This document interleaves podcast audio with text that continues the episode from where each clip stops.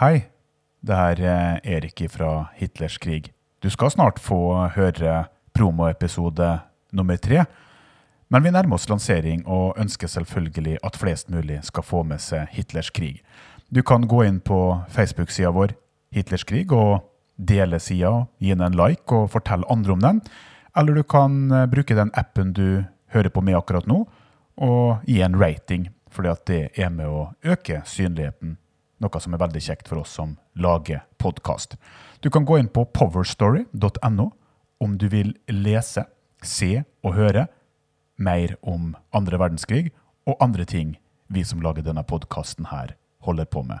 Men nå over til dagens promoepisode. Dette er London.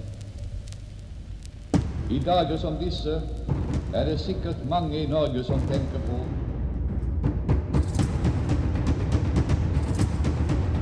Jeg vet at jeg i denne sendingen når langt utover havet, vestover, der det ennå er kveld. Ørnulf Eriksen han forlot Bergen for å bli SS-soldat, og han sloss mot russerne i Leningrad. Til slutt havna han i et frykta straffekompani. Ørnulf Eriksen overlevde krigen og ble amerikansk krigsfange i Østerrike. Etter at han kom på frifot, dukka bergenseren opp i den sovjetbesatte sonen og ble dømt for spionasje til fordel for Storbritannia.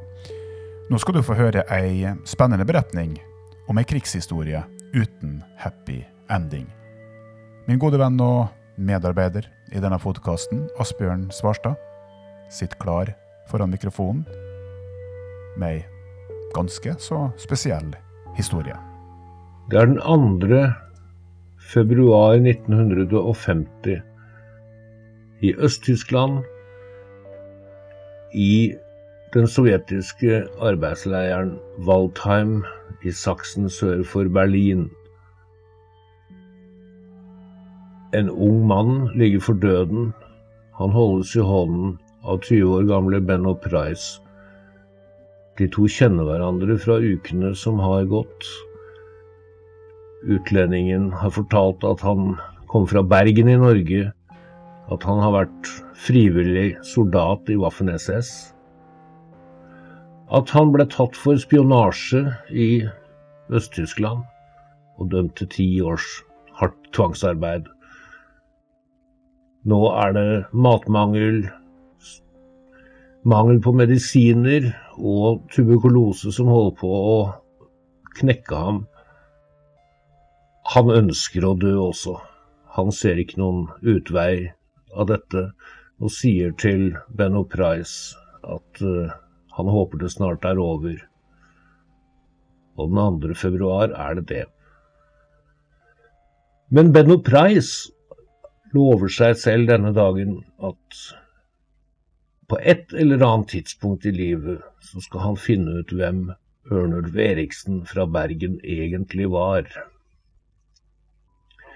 Det vi kan fortelle i dag, er at Ørnulf Eriksen var 18 år gammel da krigen kom til Norge.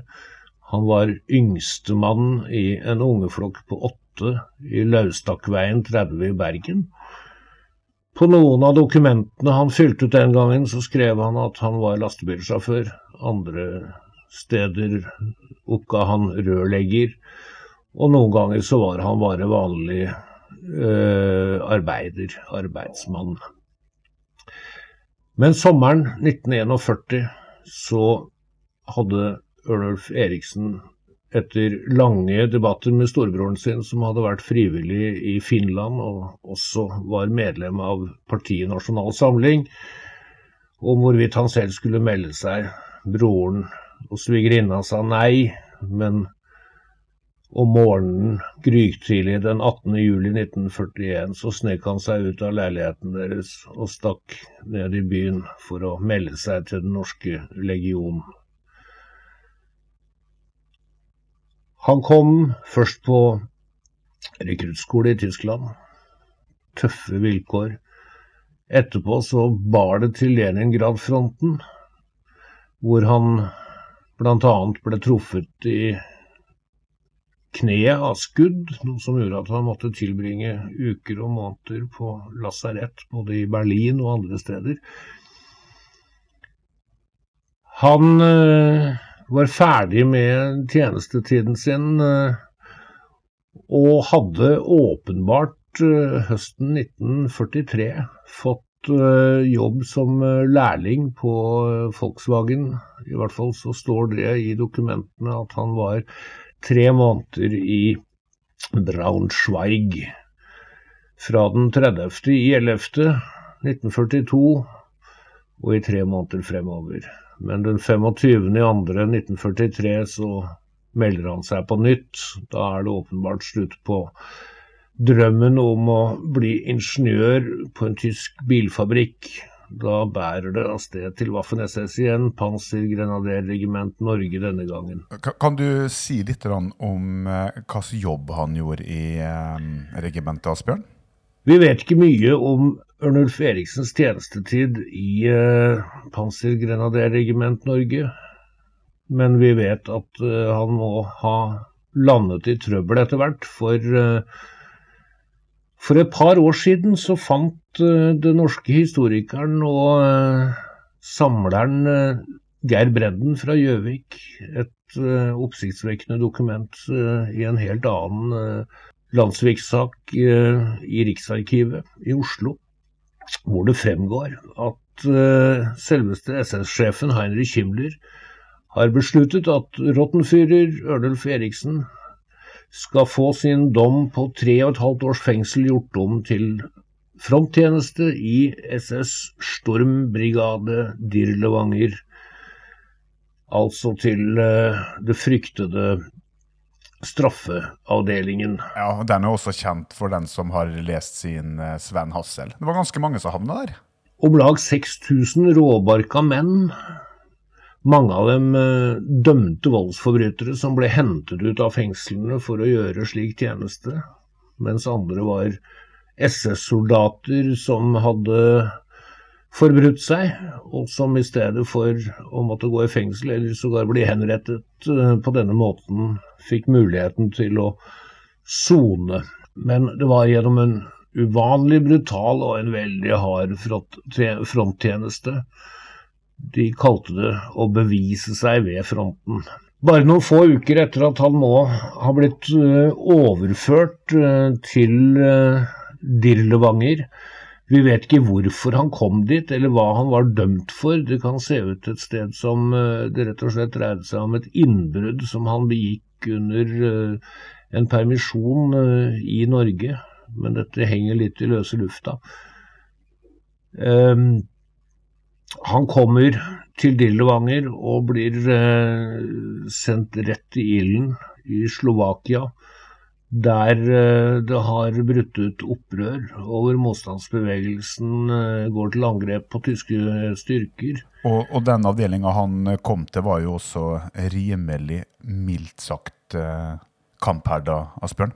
Dillevanger-karene hadde akkurat vært i Warszawa og deltatt i nedslaktingen av de polske motstandsfolkene som eh, forsøkte å frigjøre byen der. Der var noen av dem så til de grader sadistiske og perverse at uh, de etterpå ble plukket ut uh, av sine egne SS-kolleger og stilt for standrett og henrettet på stedet. De hadde bl.a.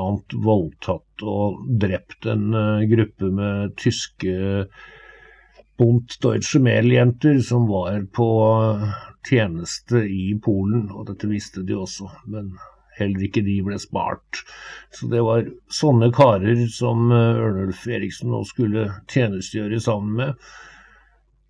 Den 18. november 1944 så kom høydepunktet for de Levanger i Slovakia under et voldsomt slag så endte det opp med at de utraderte, som det heter, utryddet motstanderne sine.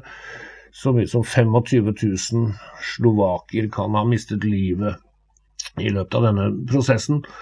Og det er klart at eh, hvis Ørnulf Eriksen sto midt oppi det, så hadde han deltatt i fæle ting.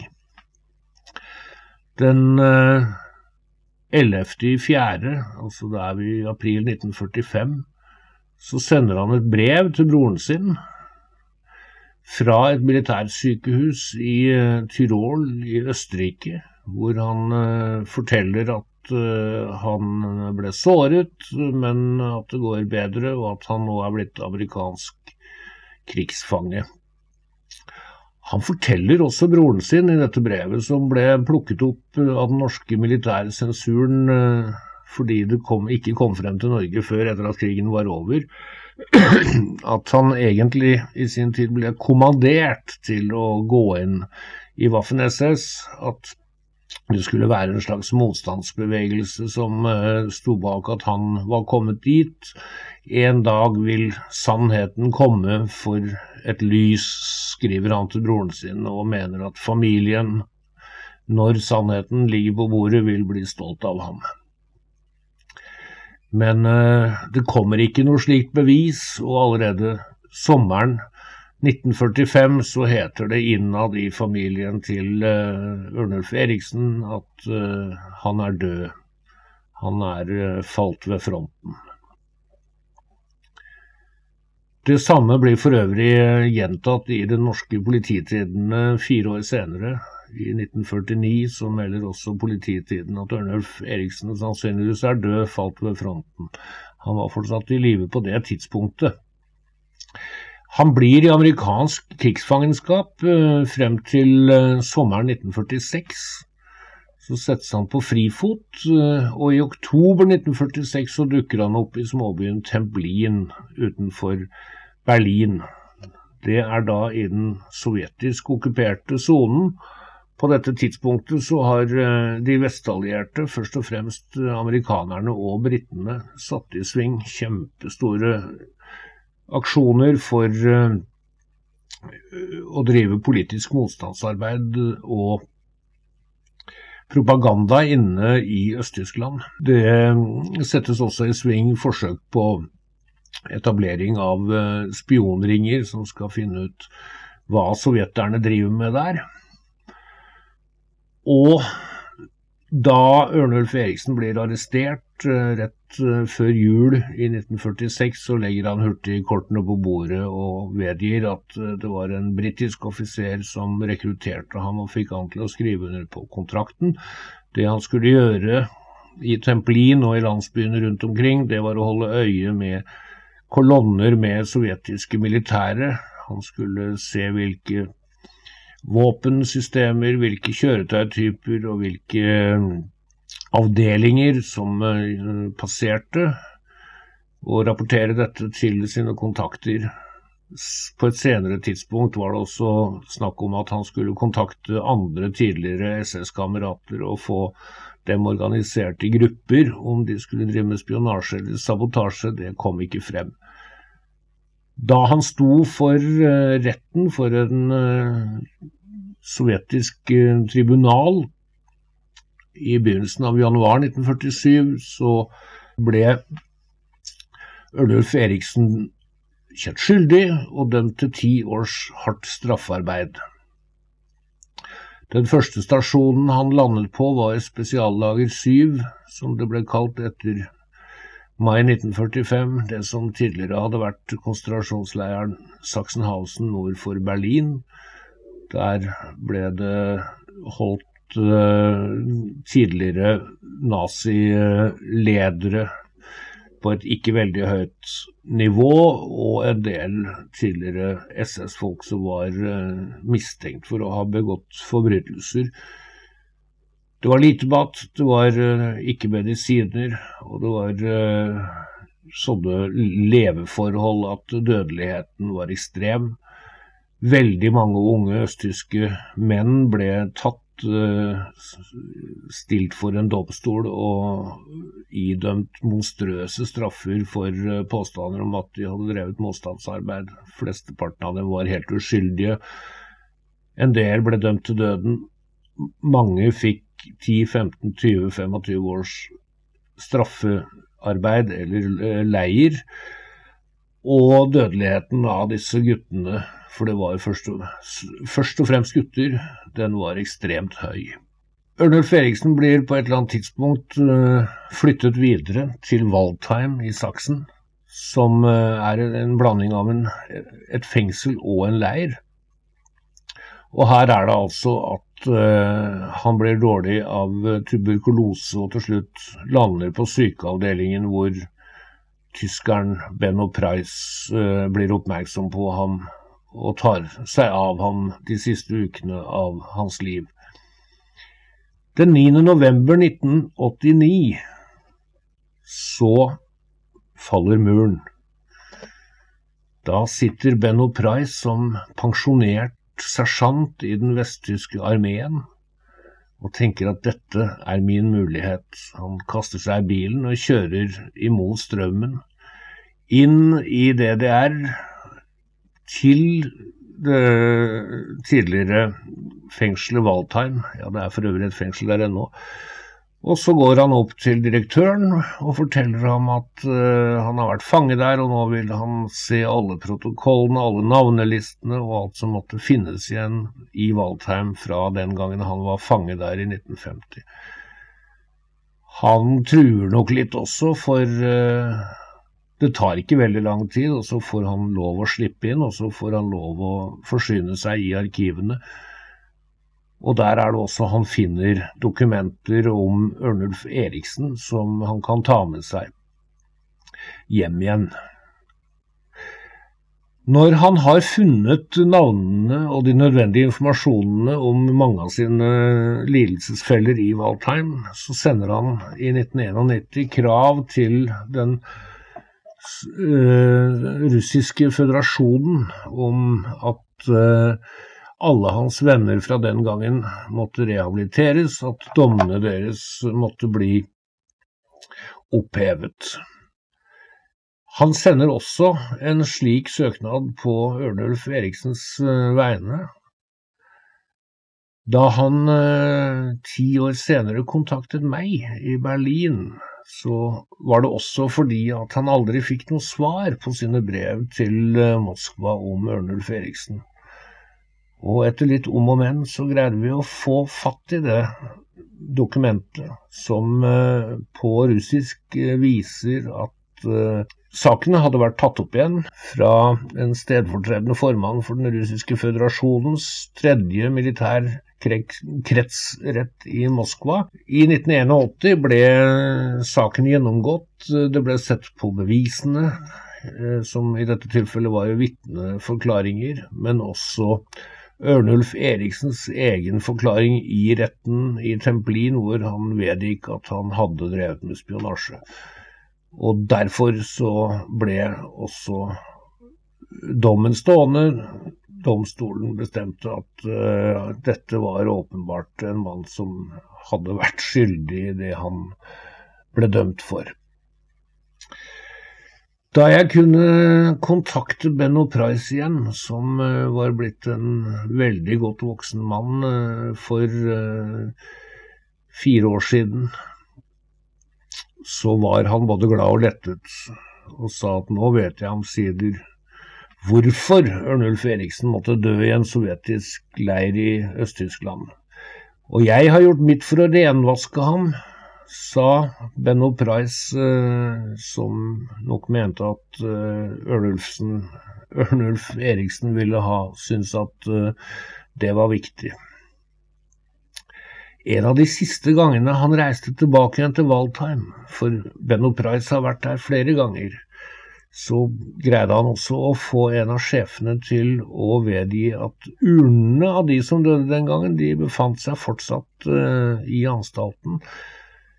Og Så gikk de opp på et loft, og så viste det seg at uh, urnene ble levert inn etter hvert som fangene var blitt kremerte. Så ble det skrevet et uh, tall på og klistret på, og så skrev de opp navnet på en liste, og så tok de selve urna og kastet den opp uh, på et loft. Og da Benno Price kom dit i 1990 og fant en stige og kleiv opp på loftet, så fant han alle urnene, også den fra Ørnulf Eriksen.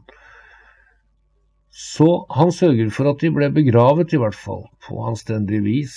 I dag så er Ørnulf Eriksen og de andre fangene begravet ute i gården utenfor Valtheim-fengselet.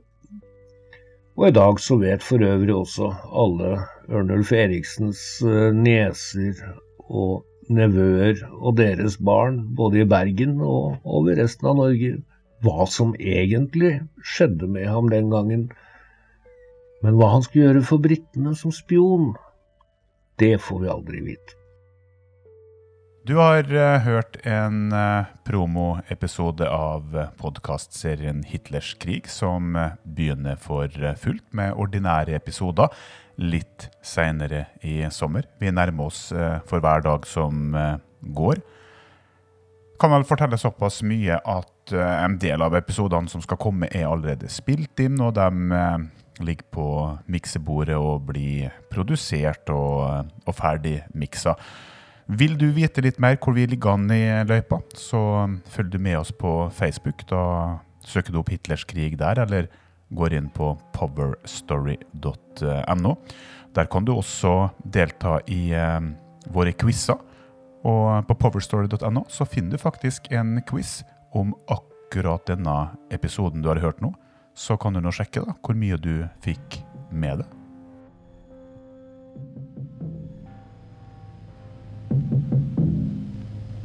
Dette er London. I dager som disse er det sikkert mange i Norge som tenker på